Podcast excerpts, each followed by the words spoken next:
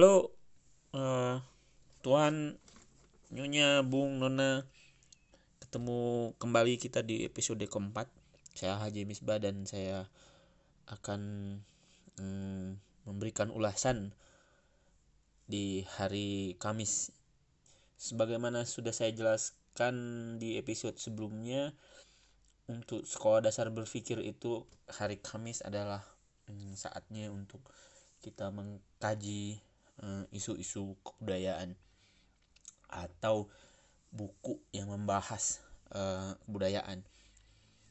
Uh, di tahun 2019 saya merekomendasikan kalau hari Rabu filsafat saya 25 sempat itu hari Kamis itu buku pertama yang saya rekomendasikan polemik kebudayaan tapi untuk uh, sekarang di 2020 ini uh, saya skip dulu itu uh, untuk direview tapi saya anggap ada yang lebih penting untuk dibahas pertama kali di uh, podcast ini. Uh, masih dari Sultan Takdir. Kalau itu saya menempatkan nya di buku kedua. Tapi kali ini mending dibahas ini dulu karena nanti akan lebih mudah kalau menurut saya mempelajari Sultan Takdir setelah bahas e, buku ini. Karena polemik kebudayaan itu e, sudah bicara perdebatan tentang Indonesia. Sementara kita kita mesti tahu dulu Indonesia itu apa uh, atau nilai-nilai yang hmm. membentuk Indonesia itu seperti apa. Nah, uh, buku yang saya akan ulas yakni perkembangan sejarah kebudayaan Indonesia dilihat dari jurusan nilai-nilai. Buku ini saya fotokopi dari uh, Mas Duki Fadli itu um, seorang sarjana filsafat lah. Uh, ada teman saya saya fotokopi. Dan ada juga uh, bukunya Uki tapi saya saya dapatnya dari Mario nggak salah ini. Buku ini diberi cetakan ketiga Oktober 1982 dan ada 50 halaman e, menurut Sultan Takdir ada empat buku yang merangkum e, pemikiran filsafatnya dalam rentang 30 tahun terakhir. E, buku ini adalah teks ceramah dia di Gedung Kebangkitan Nasional Jakarta tanggal 11 Februari 1975. Nah, eh, apa saja yang empat buku itu? Yang buku pertama, buku kebebasan dan nilai yang melukiskan kedudukan manusia yang berkelakuan dan bertindak di alam semesta yang dengan budinya menciptakan budidaya atau kebudayaan baru akan terbit dalam bahasa Indonesia bisa Jerman dan bahasa Inggris. Yang kedua uh, buku Values as Integrating Forces in Personality, Society and Culture yang melukiskan proses penilaian budi manusia. Uh, diterbitkan University of Malaya Press dan sekarang telah mengalami cetakan kedua. Bahasa Indonesianya sedang diusahakan yang ketiga buku sosio cultural creativity in the converging and restructuring process of the new emerging world. Uh, satu makalah di ASEAN Regional Symposium November 1978 di Kyoto. Dan yang keempat ya buku ini. Uh, kalau buku yang kedua tadi adalah teori nilainya dan buku ini adalah penerapan teori nilai eh, perkembangan penerapan teori nilai itu um, dalam melihat sejarah kebudayaan Indonesia. Oke, hmm, kita bah saya uraikan dulu isinya. STA menulis 8 poin untuk uh, menguraikan pikirannya. Yang pertama soal pengertian budi dan kebudayaan. Yang kedua proses menilai dan nilai-nilai. Yang ketiga perhubungan proses penilaian dan etik. Empat kebudayaan Indonesia asli, lima kebudayaan India, 6 kebudayaan Islam, 7 kebudayaan modern, 8 hmm, kebudayaan bineka tunggal ika. Pengertian budi dan kebudayaan itu menurut Sultan Takdir budi itu uh, adalah pola dalam jiwa manusia yang berupa dorongan dasariah, insting, perasaan, pikiran, kemauan, dan fantasi. Fantasi ya. Uh, Thomas Hobbes itu menyebutnya imajinasi. Fantasi dan imajinasi itu beda lah. Ah, tapi nanti aja di komen apa bedanya fantasi dan imajinasi. Jika demikian adalah pengertian budi, maka apa yang disebut dengan budi itu menjadi dasar segala kehidupan manusia. Yang dengan budi itu membuat tindakan manusia berbeda dengan tindakan hewan. Kehidupan alam dengan kehidupan kebudayaannya sebab yang dinamakan kebudayaan itu merupakan penjelmaan budi dari manusia. Budi manusia menjadi ciri terpenting dari perubahan tahap hewan menjadi manusia. Jika hewan hanya berlaku insting dan kehendak atas pemenuhan kebutuhan dasar manusia melampaui itu sehingga terciptalah kebutuhan, keperluan dan skill atau kecakapan baru. Yang dengan itulah uh, manusia kemudian um, bisa melampaui uh, binatang dalam hal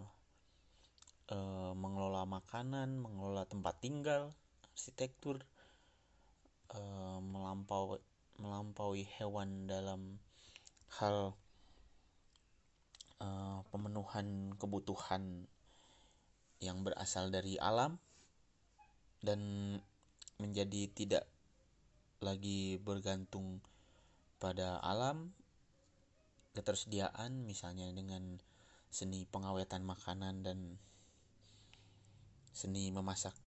Makin lama kebutuhan itu makin bertambah banyak, manusia bertambah banyak, ada pewarisan hmm, kebiasaan dan pelembagaan kepada keturunan selanjutnya dan proses penciptaan terus-menerus eh, teknologi yang dengan teknologi itu manusia uh, menjaga keberlangsungannya keberlangsungan hidup mereka. Tidak semuanya berhubungan dengan persoalan biologis tapi ada juga persoalan kehidupan seni penciptaan benda-benda yang untuk hmm, kegirangan kalau bahasanya Sultan takdir di sini susunan bunyi musik warna bahasa hmm, tidak peduli apa itu masih primitif atau sudah maju. Satu hal yang penting lagi adalah manusia memiliki kesadaran akan nasibnya, ketelemparannya ke dalam alam semesta yang penuh rahasia, tidak terbatas dalam waktu dan ruang dan manusia menyadari posisinya dalam alam semesta itu. Eh, yang mungkin dari situ lah terbentuk eh, agama. Bukan mungkin tercip bu, bukan mungkin terbentuk ama memungkinkan terbentuknya agama dan konsep tentang Tuhan dogma-dogma upacara ya ibadah hal-hal yang dilarang yang itu berbeda dari zaman ke zaman. Selanjutnya uraian poin kedua yakni proses menilai dan nilai-nilai. Manusia melihat alam sekitarnya itu melalui budinya terdorong untuk hmm, membuat makna. Makna itu dibuat melalui penilaian terhadap objek, benda, kejadian yang beragam yang dipilihnya itu menjadi tujuan dan isi dari uh, satu kebudayaan karena dalam hal menilai itu manusia memiliki kebebasan dan membuat pilihan, terjadi proses pembedaan dalam tujuan logika dan kenyataannya. Di situ kita bisa setidaknya menurut penjelasan Sutak Tadir mendapatkan enam model penilaian yakni penilaian melalui teori ilmu pengetahuan menilai penilaian melalui ekonomi penilaian melalui agama penilaian melalui politik penilaian melalui politik atau kuasa penilaian melalui seni atau estetika dan penilaian melalui eh, solidaritas Poin ketiga, kita melihat perhubungan proses penilaian dan etik.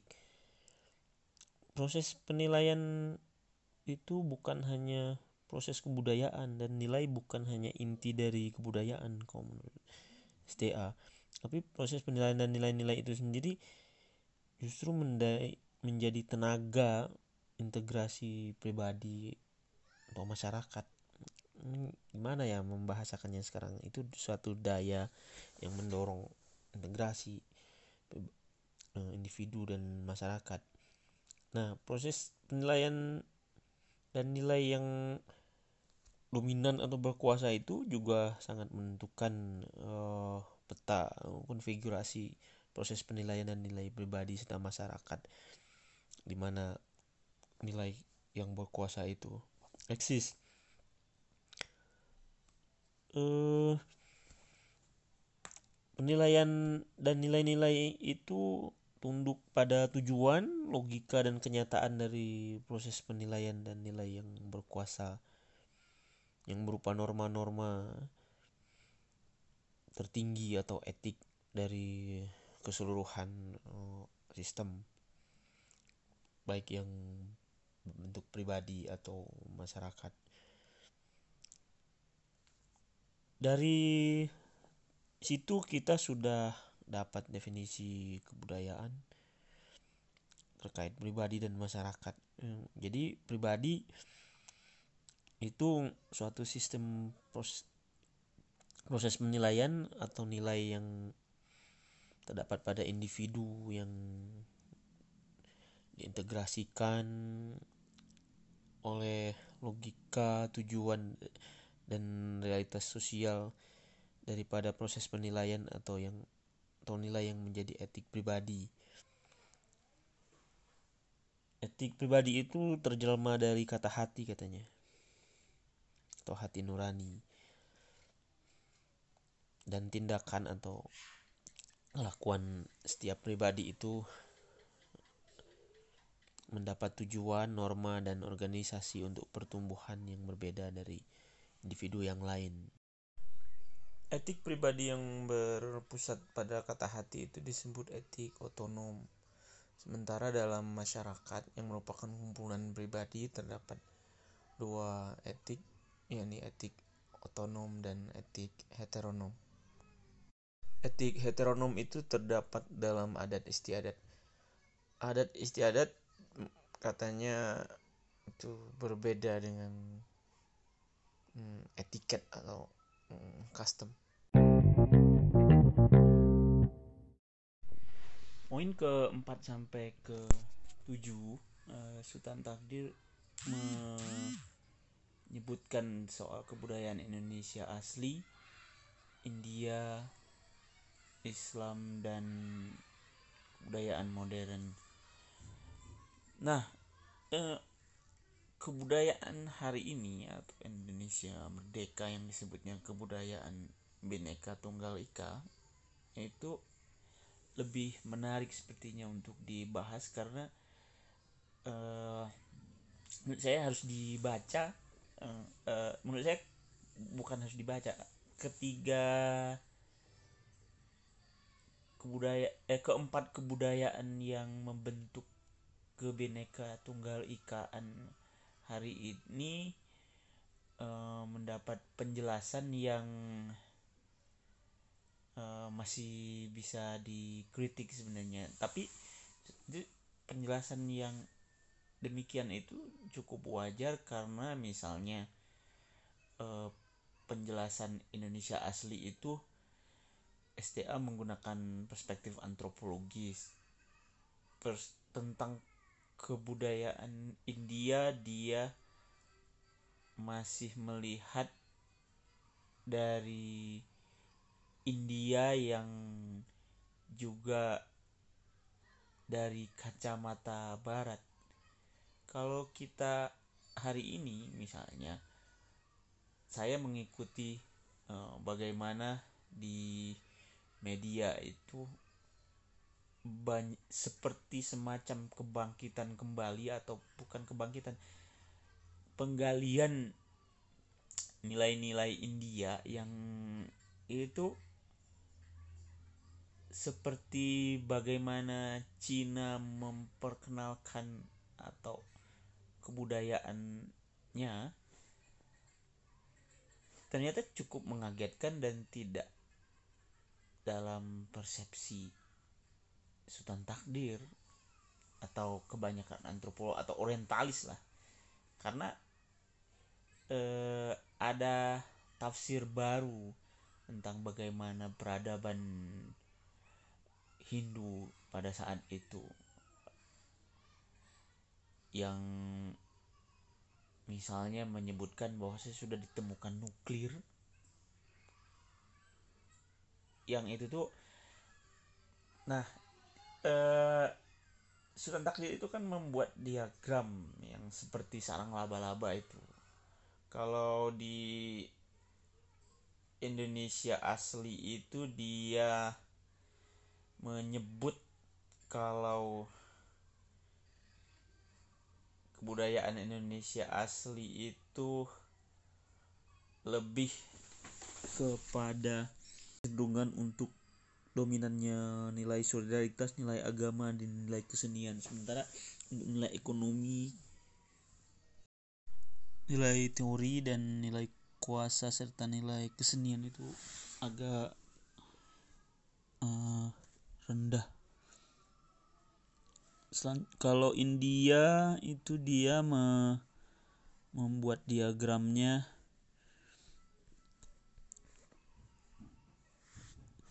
nilai kuasa karena dari situlah muncul feodalisme nilai seni dan nilai agama. Sementara untuk kecenderungan dari teori ke ekonomi ke solidaritas hmm, itu cukup rendah. Sementara untuk nilai Islam dia menyebutkan kalau nilai teori, ekonomi, solidaritas dan agama itu tinggi sementara nilai politis, seni dan agama eh, nilai kuasa seni itu diagram sebelah sini agak berkurang. Kalau kebudayaan modern itu dia membaginya menjadi dua yakni mm, kebudayaan yang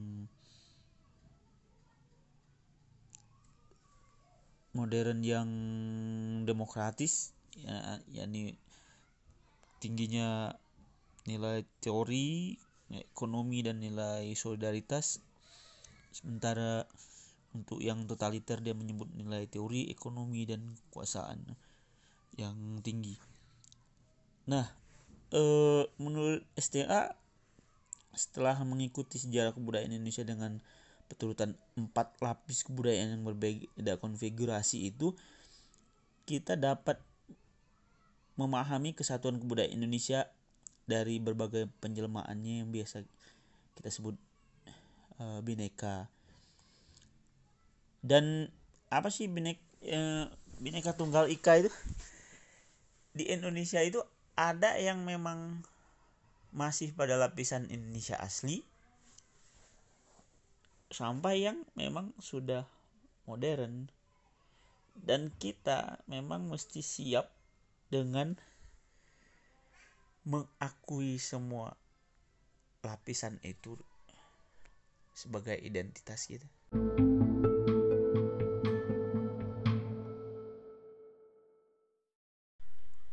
Penjelasan 1 sampai 8 tadi menarik dan harusnya memperkaya wawasan kita saat mau berbicara Indonesia dan eh, kebudayaan Indonesia yang memang hmm, terdiri lapisan. Jadi Indonesia pastilah tidak tunggal dan kalaupun ada usaha-usaha untuk menunjukkan dominasi satu lapisan kebudayaan justru itu akan gagal dan sangat ahistoris dalam melihat sejarah kebudayaan Indonesia buku yang wajib dibaca siapa pun yang mau berbicara kebudayaan. Karena misalnya beberapa bulan lah yang lalu misalnya saya baca ada satu artikel dari seorang wartawan senior yang melihat misalnya kebaya itu sebagai satu kebudayaan Indonesia asli. Dan terkesan peng ingin menonjolkan identitas. Dalam hal ini pemahaman kita dari uraian lapisan kebudayaan itu setidaknya membuat kita tidak berani lah melakukan klaim-klaim penunggalan identitas. Karena pada saat dilakukan klaim tunggal atas identitas yang menonjolkan satu lapisan saja dari kebudayaan yang berlapis-lapis itu kita tentu saja sudah melakukan reduksi